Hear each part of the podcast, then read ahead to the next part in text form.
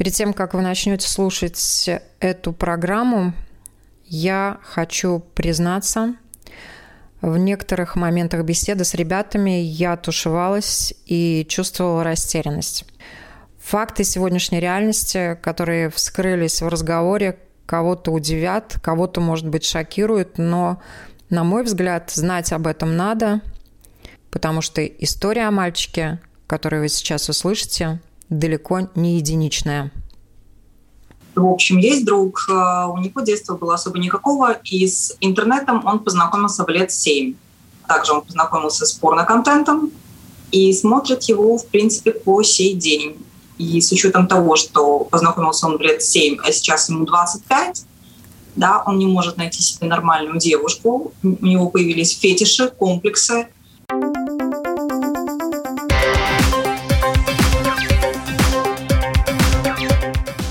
Поколение Z. Здравствуйте, с вами Марина Талапина, режиссер программы Даниэль Йоффе. Это программа «Поколение Z». Спасибо, что слушаете нас, что подключаетесь к нам и в интернете, и на Ютубе, и на нашем сайте lr4.lv. И слушайте и подписывайтесь на нас э, на разных платформах. Э, слушайте наши подкасты и на Google, и на Apple, и на Spotify. Вот. И сегодня мы продолжаем серию программ, которые посвящены секс культ просвету. Расскажите мне о сексе. Об этом мы говорим уже не первый раз, потому что об этом говорить важно, но э, также мы, конечно, не претендуем на истину в последней инстанции, поэтому э, мы э, спрашиваем ребят, о чем они хотят знать на эту тему, и приглашаем экспертов, которые компетентно и корректно, что очень важно, рассказывают им доходчиво обо всем. И я рада сегодня представить, сегодня с нами Максим Зинкевич. Добрый Милана Дедович. Милан, привет. Здравствуйте. И, э, конечно, мы не можем обойти эту тему, как я уже сказала, без эксперта. С нами сегодня Анастасия Дьякова. Анастасия, привет. Привет, привет, рада быть с вами сегодня. Анастасия, советник по вопросам защищенности человека в интернете при вице-премьер-министре цифровой трансформации Украины. Более семи лет работает в сфере защиты детей в онлайн-пространстве, создатель образовательного проекта по защите детей от сексуального насилия в интернете. И, конечно, я надеюсь, что из э, того, как я представила нашего эксперта, э, наши слушатели и зрители уже поняли, что мы сегодня хотим поговорить о том, как говорить с детьми о разного рода опасностях сексуального характера в интернете, о порно-контенте и так далее. И, наверное, вот э, поскольку у нас Анастасия будет только первую половину программы, мы хотим атаковать ее нашими вопросами на эту тему. Ребят, если у вас еще вопросы не созрели, то я уже готова. Э, и почему готова? Потому что по данным статистики, например, Covent ice.com в 2018 году каждый четвертый подросток э, получал секс-сообщение. Вот такая статистика. Каждый шестой такое сообщение отправлял. Больше половины подростков ищут порно каждый месяц. Первое впечатление о порнографии среди мужского населения уже создается в среднем в 12 лет. Статистика – это факты, да. Она говорит сама за себя. Анастасия, у меня к вам вопрос вообще. Что с этим совсем делать? Кто виноват и что делает, да? Классический да. вопрос. А, что делать? Во-первых, понять, что мир изменился, он никогда не будет прежде. Мне кажется, знаете, когда началась эпидемия, да, нам всем казалось, что мы ушли в онлайн, в изоляцию на какой-то короткий промежуток времени, два месяца надо переждать, а потом все будет как прежде. Киев сейчас снова в красной зоне, у нас закрыто все, и вот с понедельника отменяют транспорт даже. А, поэтому, мне кажется, первое, что надо сделать, это понять, что мир изменился, не будет уже как прежде. Мы не можем детям просто вырубить интернет, добрать все гаджеты. Вот, поэтому это первый наш шаг, такой признание того, что реальность другая. Второй момент, понимание, что, с одной стороны, этот мир стал другим, но с другой стороны, ценности, которые закладывались в базу офлайн мира, они остались теми же. И чтобы защитить ребенка в интернете, как защитить ребенка в офлайне, очень важно доверительное общение, совместный контакт с детьми, понимание, что их тревожит, чем они интересуются, чем они живут, чем родители могут помочь, поддержать. То есть вот эта ценностная база единения семьи и родителей, она цена, как и прежде, да, до появления там, э, Apple, PlayStation, TikTok, лайки, всех этих э, новогодних штучек. Это было ценно, и сейчас это остается быть ценным. Но, тем не менее, трое из четверых подростков скрывают свою онлайн-жизнь от родителей. И я думаю, что ребята, Макс, э, Милана также подтвердят это, да. А зачем им вообще туда, в эту жизнь э, засовывать свой нос родителям? При всей любви, при всех хороших отношениях, которые есть, да, и та информация, которая валится и с рекламой, и не с рекламой, в том числе это сейчас все говорят, да, о порно-контенте, который может свалиться на ребенка там уже 8 лет, да, и как с этим жить, э, что делать, что говорить ребенку. Да, да, давайте, наверное, сначала расскажу относительно там приватности в онлайне, да, а второй э, момент отвечу относительно порнографии. Очень часто родители спрашивают относительно чтения переписок детей, да, имеют ли право родители залезть там в соцсеть, например, или залезть в телефон ребенка, прочитать, что он пишет. Мнения сильно расходятся, а, в принципе, и там в международном сообществе, но мы все-таки больше придерживаемся идеи о том, что онлайн-мир а, переписки детей, да, особенно детей подросткового возраста и дальше, это их приватное пространство, как личный дневник или как записки, которые мы сами на уроках в школах писали на листочках и перекидывали между партами. И поэтому ну, родители часто говорят, ну как же в интернете интернете же огромное количество опасностей. Да, огромное количество опасностей. Но если родители относятся к покупке гаджета для ребенка или доступа к интернету таким образом, что гаджет куплен в коробку запакованный, вот держи ребенок, я классный родитель, что я тебе купил, ну то, конечно, рисков огромное количество. Если же родитель понимает, что гаджет это как автомобиль, который нельзя просто подарить ребенку в пятилетнем возрасте, в бардачок положить водительское удостоверение и сказать, я классный родитель, пока мы учим ребенка, да, ждем какого-то возраста определенного, 18 лет, например, это в Украине. Ребенок проходит школу, как безопасно пользоваться этим автомобилем. И уже после этого он получает возможность ездить на дорогах. Гаджет — это такой же автомобиль, это не а, какая-то кукла очередная, да, или машинка деревянная. Это инструмент, это в первую очередь надо понимать родителям. И поэтому, когда мы решаем подарить ребенку гаджет или купить первый гаджет, ребенок должен знать уже правила, во-первых, а во-вторых, это должно произойти в соответствующем возрасте. Поэтому, когда родители первоклассникам покупают гаджет с бесконечным доступом к интернету, это первый, в первую очередь вопрос к родителям, да, а не к самому ребенку, что же он там пишет. А второй момент — это доступ в социальные сети. По правилам всех социальных сетей доступ разрешен с 13 лет, это правило социальных сетей детей. Поэтому если родители разрешают или часто помогают регистрироваться раньше 13 лет, это также вопрос к родителям. Очень часто родители говорят, ну а как же в классе вот есть давление, все дети зарегистрированы, мой ребенок нет. А, поэтому тут мы всегда советуем, что когда вы со своим ребенком идете в первый класс, соберитесь с родителями, обсудите, какие риски могут быть для детей в интернете и примите решение, в каком возрасте у ребенка появится интернет бесконтрольным доступом, в каком возрасте он будет зарегистрирован в социальных сетях, потому что э, мы писали книгу вот уже в мае будем ее презентовать для родителей о безопасности детей в интернете. И я брала интервью подростков и спрашивала у них, а как вы думаете, в каком возрасте вот правильнее было бы, чтобы родители дарили гаджет ребенку с доступом к интернету? Ни один ребенок мне не, назвал возраст 9 лет, например, или там 6 лет, как часто у нас происходит. Все дети сказали, ну, минимум 10, а лучше 12-13, потому что в интернете такое количество рисков, такое количество контента, что раньше просто это сами подростки говорят, то есть это не взрослые говорят, не мы эксперты, мне интересно было услышать самих подростков. Вот, поэтому в этом плане там чтение, доверие и времени, когда лучше это сделать, да, вот, ну, обращайте на это внимание. А следующий момент относительно порнографии с малышами очень важно, чтобы были настроены родительские контроли на всех гаджетах, к которым ребенок имеет доступ, то есть это не только там собственно на какой-то планшет, например, ребенка. Ну и если у вас есть Netflix, например, или YouTube, или PlayStation, да, а, Google а, поиск, еще что-то, YouTube, везде, чтобы стоял родительский контроль. Потому что по исследованию, которое мы проводили вместе с уполномоченным президентом по правам ребенка в Украине, абсолютное количество детей натыкается, вот у меня нету другого слова, да, чтобы объяснить, что же происходит, на порнографический контент случайно в интернете.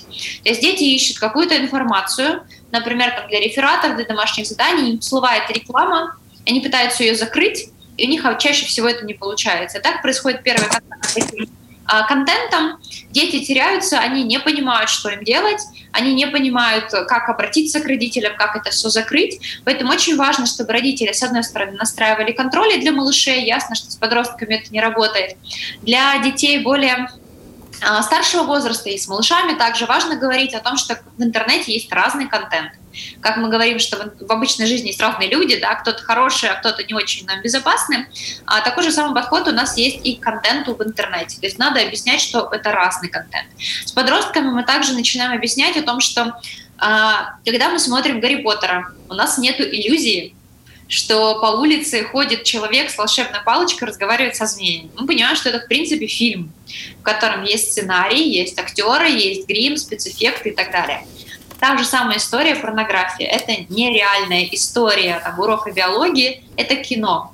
И в, в Новой Зеландии коллеги запустили очень классную социальную рекламу, где они показывают э, реальных порноактеров, которые приходят стучаться в дом к маме и говорят, мама такая смешная, в будях еще говорит, мама, вы знаете, что ваш ребенок смотрит порнографию? Она говорит, нет, мой ребенок точно нет.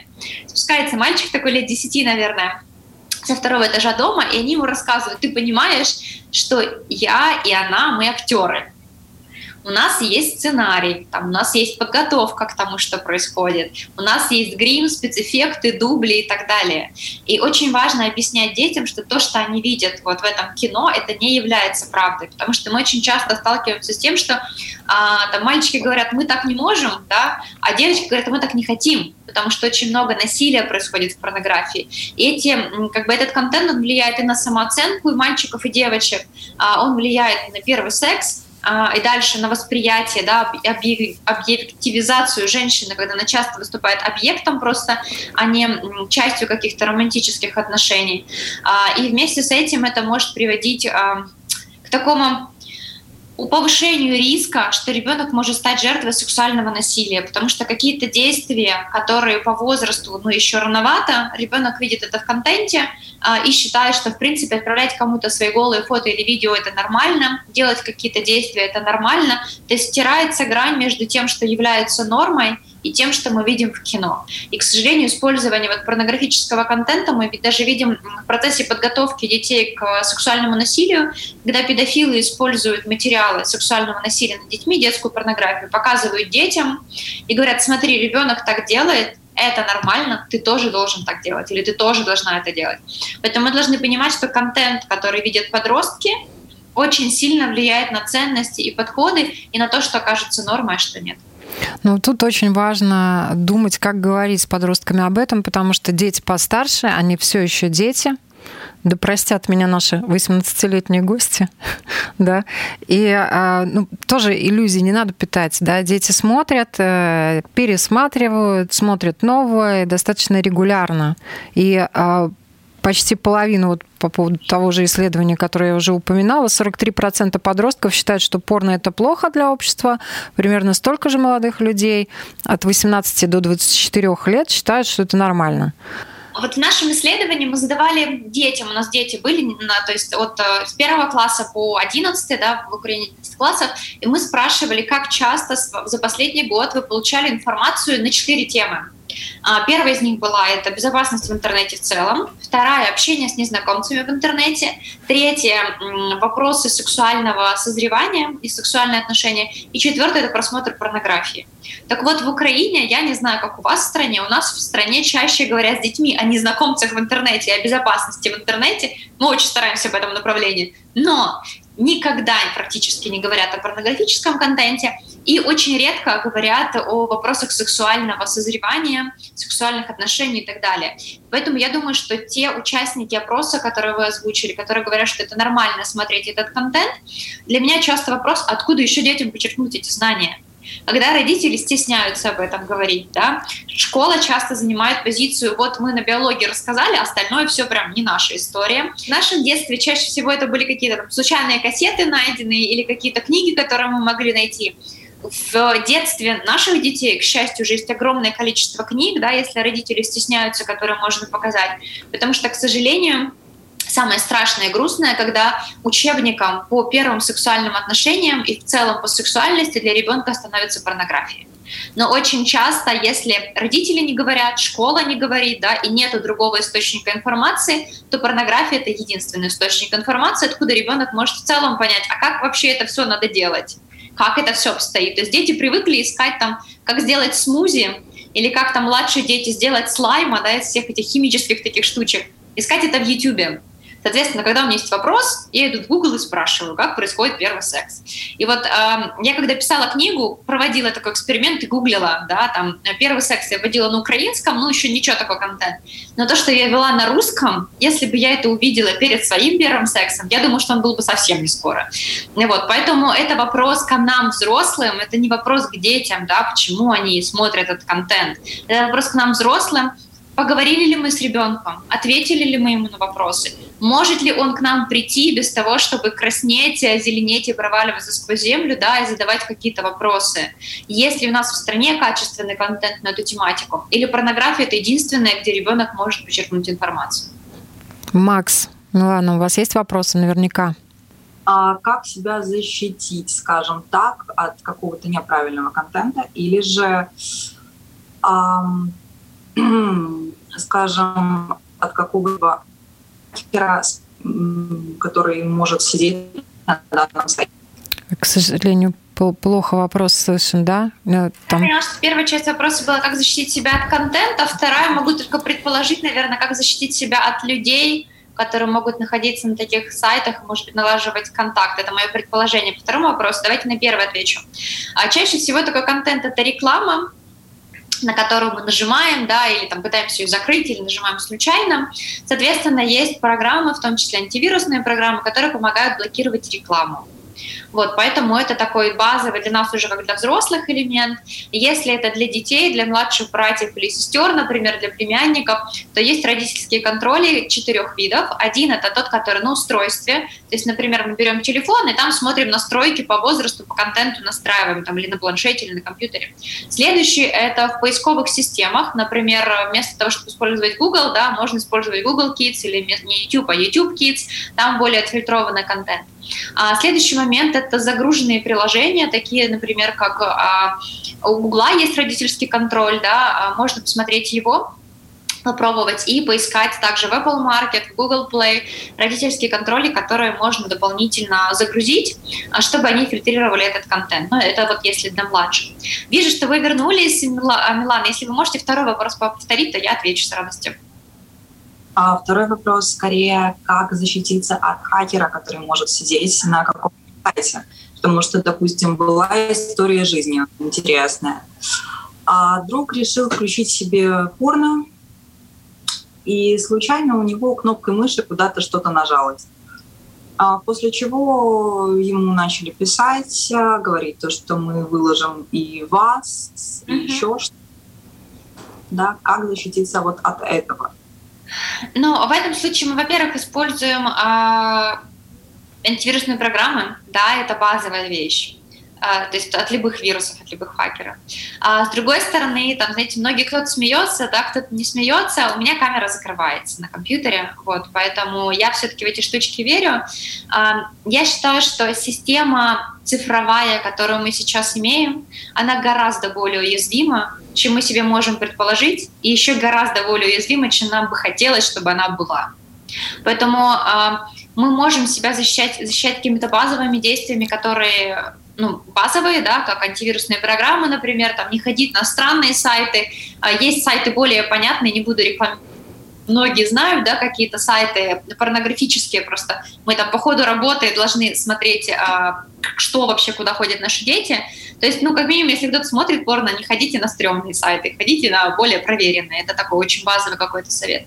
Но в целом а, интернет очень уязвимое пространство, а, поэтому надо очень внимательно быть к тому, куда мы ходим, что мы смотрим, потому что весь наш цифровой след, весь наш цифровой путь, он записывается.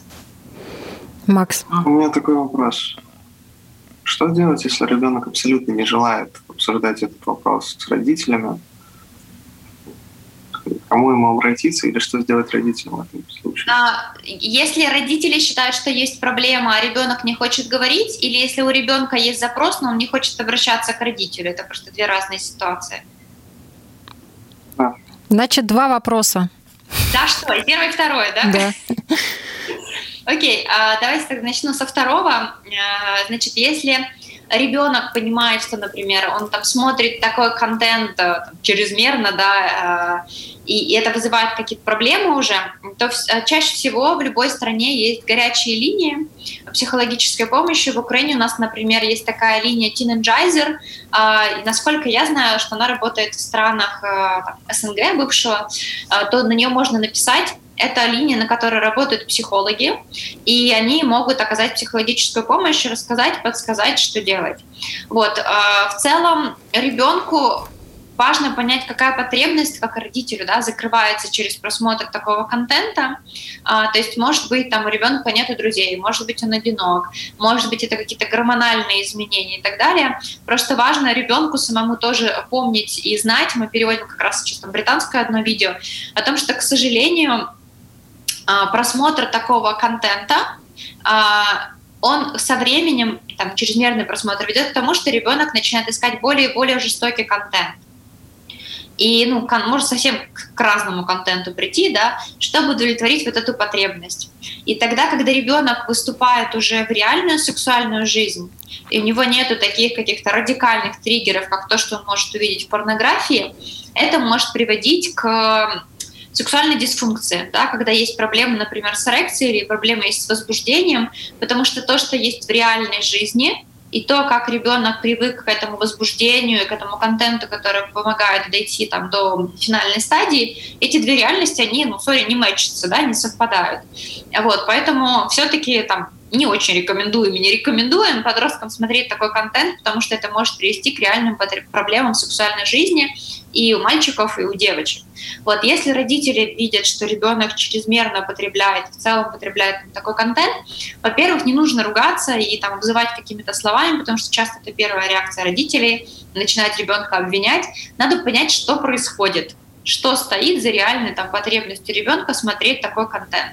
Вот. В этом случае мы часто рекомендуем поговорить с психологами, обратиться, понять, может быть, у детей, у ребенка нету там, друзей в школе, может быть, у него какие-то там э, есть проблемы вне школьного времени, да, нету а, занятий каких-то интересных, хобби, нету спорта, и есть какие-то физиологические потребности, зачем нужен такой контент. То есть тут уже важно дальше детально идти с психологом, но самое ключевое это поддержать ребенка, а, не кричать, не орать, потому что мы можем решить проблему, когда мы находимся вместе. Когда мы идем вот на этом периоде, как бы каждый сам за себя, и, и, и я родитель, ты дурак, нам очень сложно будет решить эту проблему. У меня вопрос. Вот вы как раз в апреле будете выступать на мама-папа форуме, который в Латвии будет проходить. Вообще у вас есть практика общения на эту тему с огромным количеством родителей. От родителей поступает запрос, а что делать, если мой ребенок смотрит порно? Вообще, как часто вот такой запрос есть? Пока нет. В Украине у нас пока нет такого запроса, вот, поэтому мы кое-какую, кое-какую информацию даем, но пока в Украине мы больше работаем на тему того, что вы представляете, ваши дети вообще-то смотрят порно, и родители такие, о боже. С одной стороны, а со второй стороны, вы понимаете, вам нужно что-то делать, чтобы ваши дети не смотрели порно, и что же делать? Вот, поэтому мы пока не дошли там в Украине в сознание родителей наших, что дети это смотрят, родители сделали шаги, но дети, например, все равно смотрят, и что же делать с тем, что мой ребенок смотрит. Поэтому мы пока находимся на таких предыдущих стадиях. Ну да, но ваши рекомендации, у нас остается буквально одна минута. Вот э, дети смотрят, что же делать? Очень важно понять, в какой возраст ребенка. Да, если это дети какого даже еще возраста, то вопрос к родителям, почему нет родительских контролей, и родительские контроли максимально быстро должны быть настроены. С подростками понимаем, что дети э, настро... как бы обойдут любые контроли, поэтому это коммуникация с ребенком, добавление максимально спорта, чтобы ребенку было куда физически даже просто выместить эту энергию. А также понять, какую потребность ребенок закрывает просмотром такого контента. То есть, может быть, это потребность там, в признании, в любви, в тактильности какой-то, какой-то. То есть понять, какая мотивация, чего не хватает вашему ребенку, почему он добирает это через такой контент. разговор, конечно же, про секс, да, и что это, и как это, и как это происходит, но это, мне кажется, такие базовые вещи, которые начинаются еще с момента там трех-четырех лет ребенка, э, коммуникация про физиологию сначала, да, и потом каждый год мы добавляем какую-то дополнительную информацию, чтобы ребенок всегда мог прийти и спросить про тот же первый секс, и родители не краснели, а дети не проваливались сквозь землю. Ну, я немного проанонсирую. Анастасия Дьякова у нас скоро появится в программе «Школа для родителей», где мы тоже поговорим на эту тему, как разговаривать э, с детьми об этом. Спасибо большое. Вам.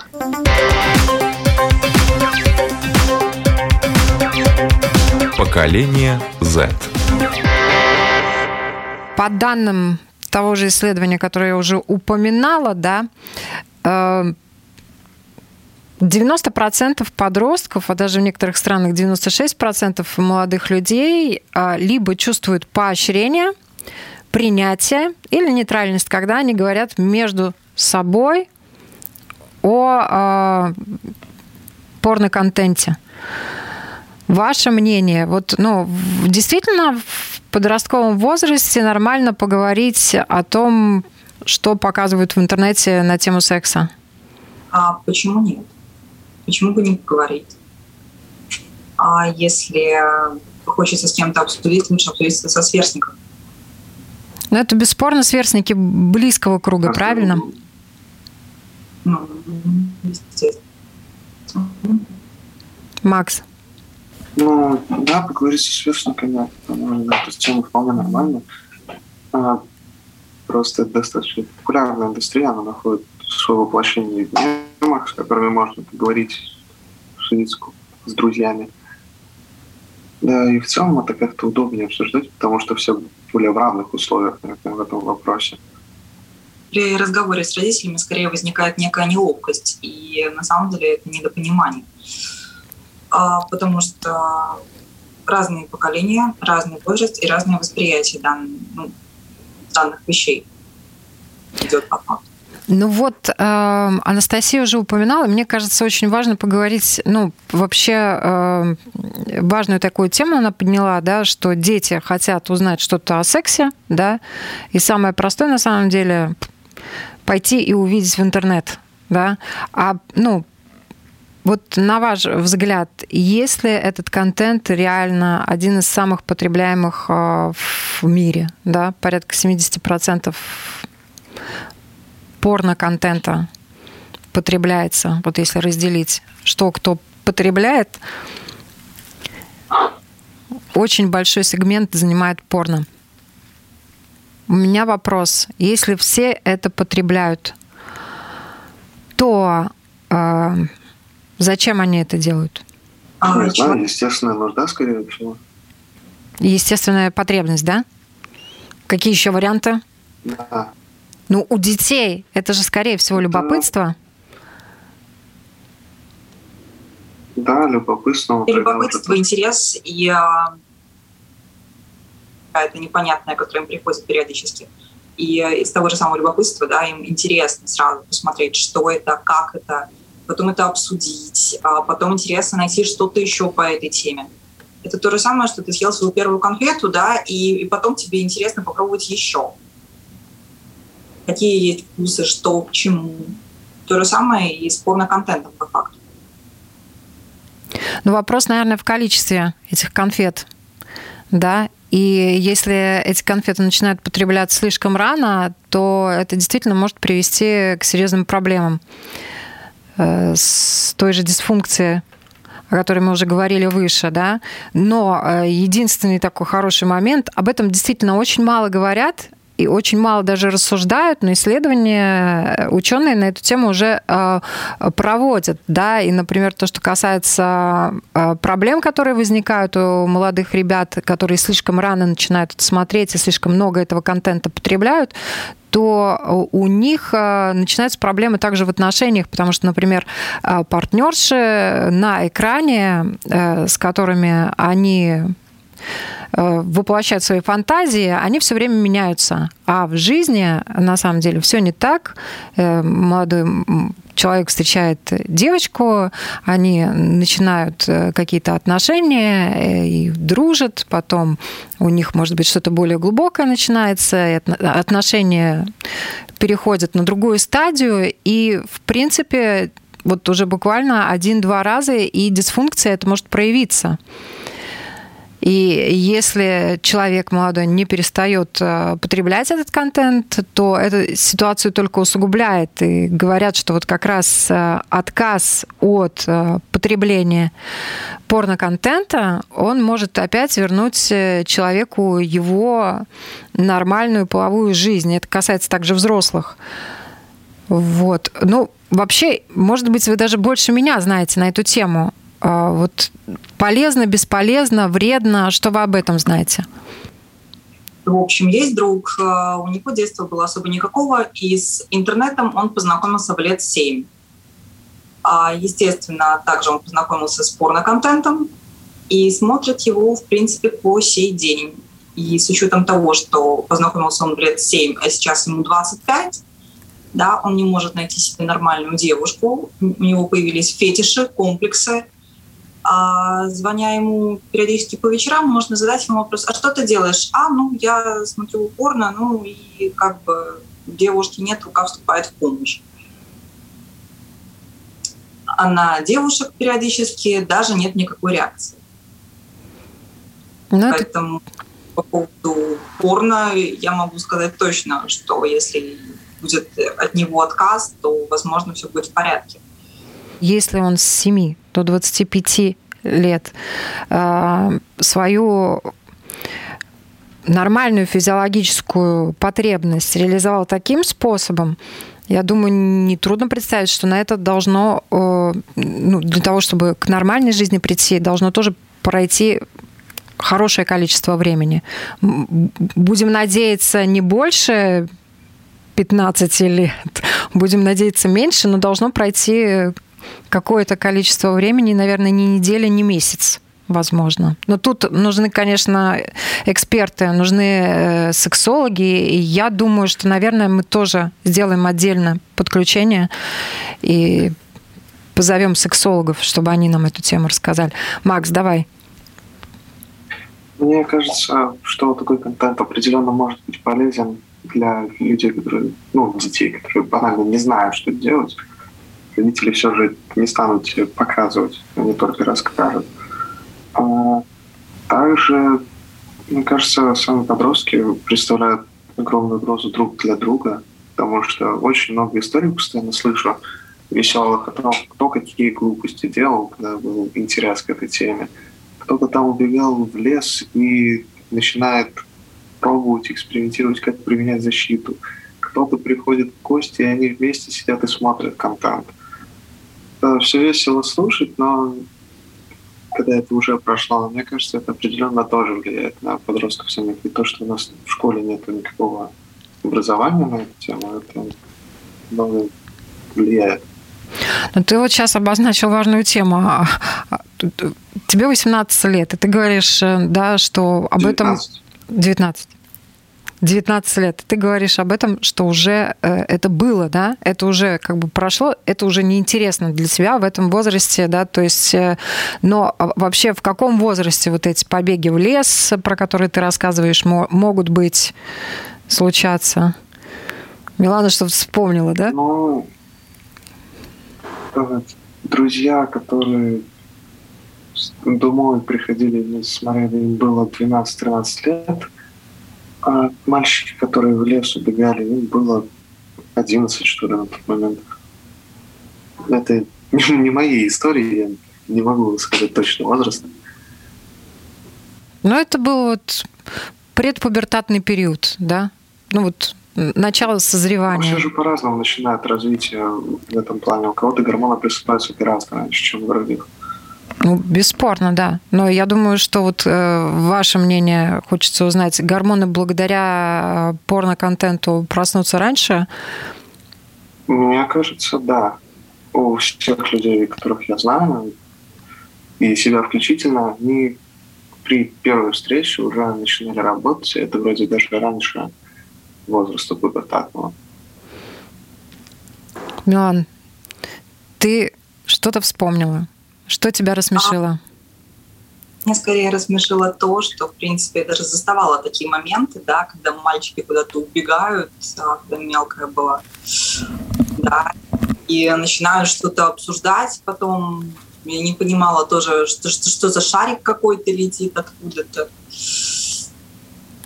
И тогда мальчикам было по лет 10-12, что ли.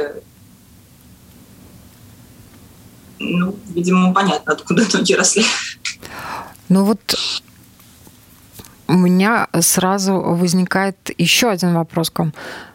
Получается, что эта тема, она хоть и обсуждается, но она обсуждается отдельно мальчиками, отдельно девочками до какого-то возраста. Какого-то возраста получается, да. Это так же самое в школе, да, всегда, помню, рассказывали, приходили там, как, как происходит половое созревание у одних, у вторых, да, и классы делили. Так же самое да, и потом просто, наверное, с класса восьмого эта грань как-то стирается, да, и все начинают об этом как-то бурно разговаривать все вместе. И девчонки открыто да, об этом разговаривают с мальчишками? Ну, кто-то да, кто-то нет. Допустим, а, а у меня происходили такие ситуации поскольку я занималась спортом, да, и тренер всегда у нас спрашивал, там, что у кого как, и кто как может тренироваться, особенно у девочек.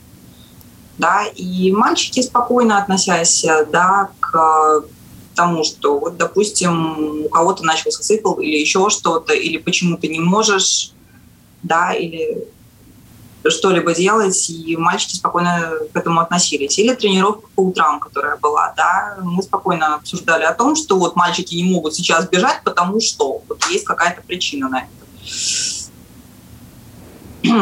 У нас мальчики и девочки задавали друг другу вопросы скорее, чем обсуждали на интересующие темы, поскольку все ничего нормально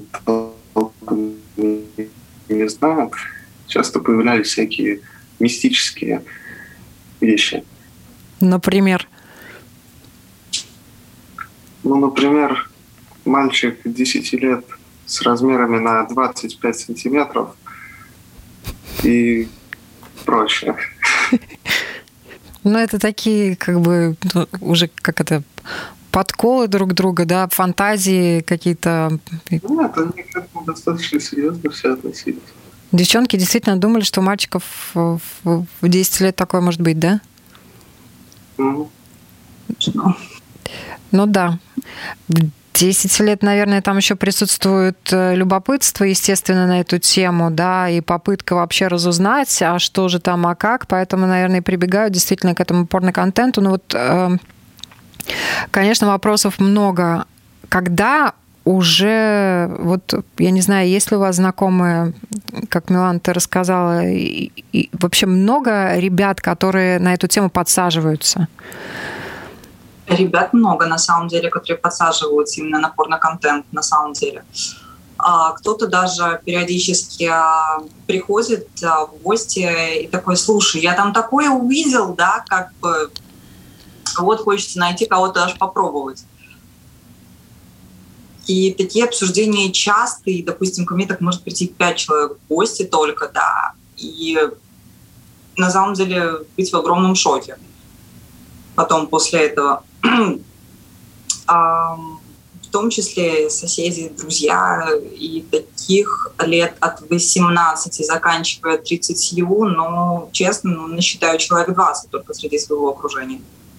То есть это уже, в принципе, ну, такая своего рода норма в культуре общения. По факту, да. Макс? Да, об этом часто говорят. И говорили. Одна из обсуждаемых тем, на которую не знают, как э, с вами говорить родители, получается, да? А почему взрослые не знают, что об этом говорить? Ваше мнение? Ну, для начала родители, думаю, хотят ставить себя как родители, что это авторитет, но все забывают о том, что в первую очередь нужно стать для ребенка другом. а, заезжала подружка, мы с ней обсуждали, кто как разговаривал. Я объяснила, что у меня мать, да, допустим, она мне ничего особо не говорила, а поставила, что она родитель, она знает лучше, и потом, когда что-то происходило, она такая, ну, а я же тебе говорила, а не говорила ничего. А у нее же, получается, мама сказала очень просто.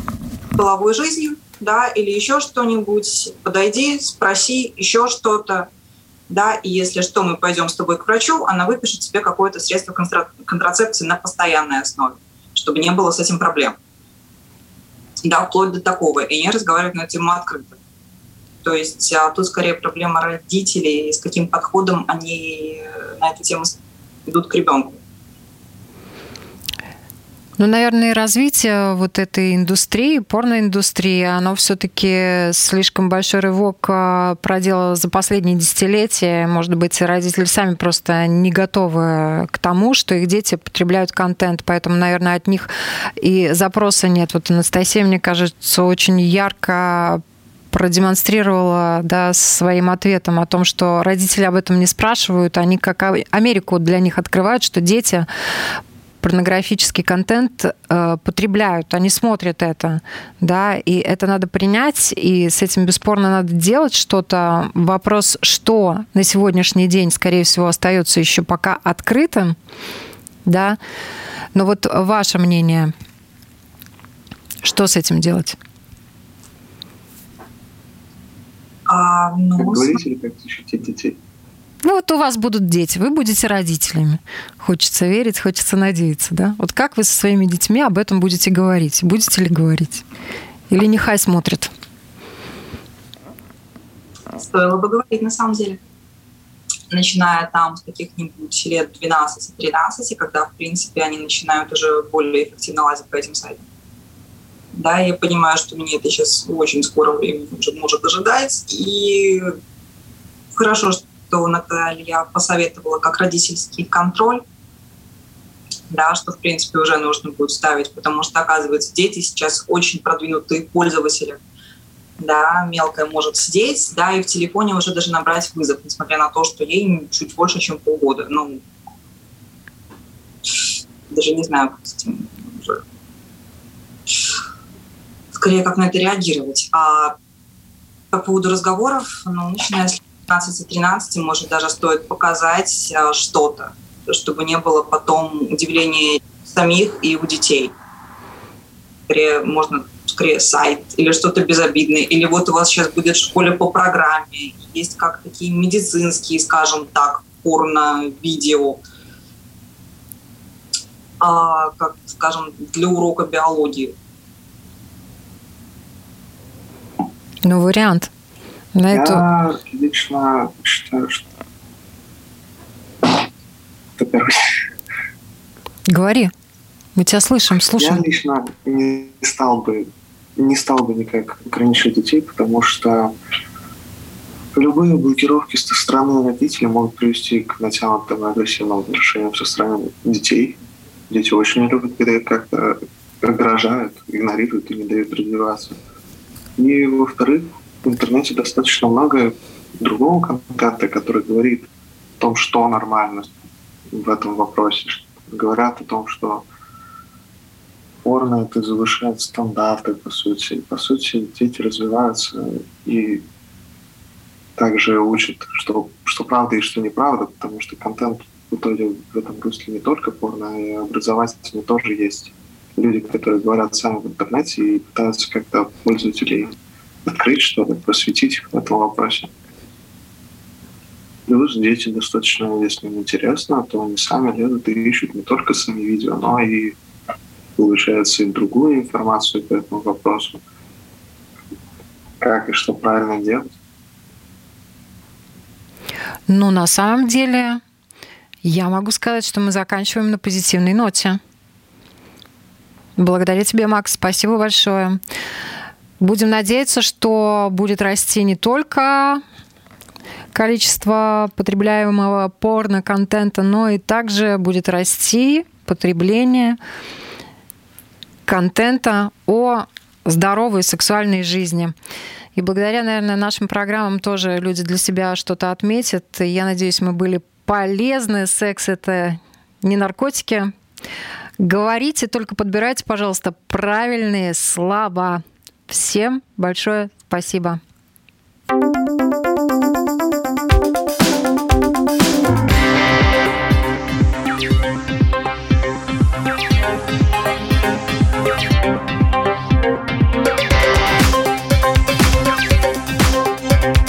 Поколение Z.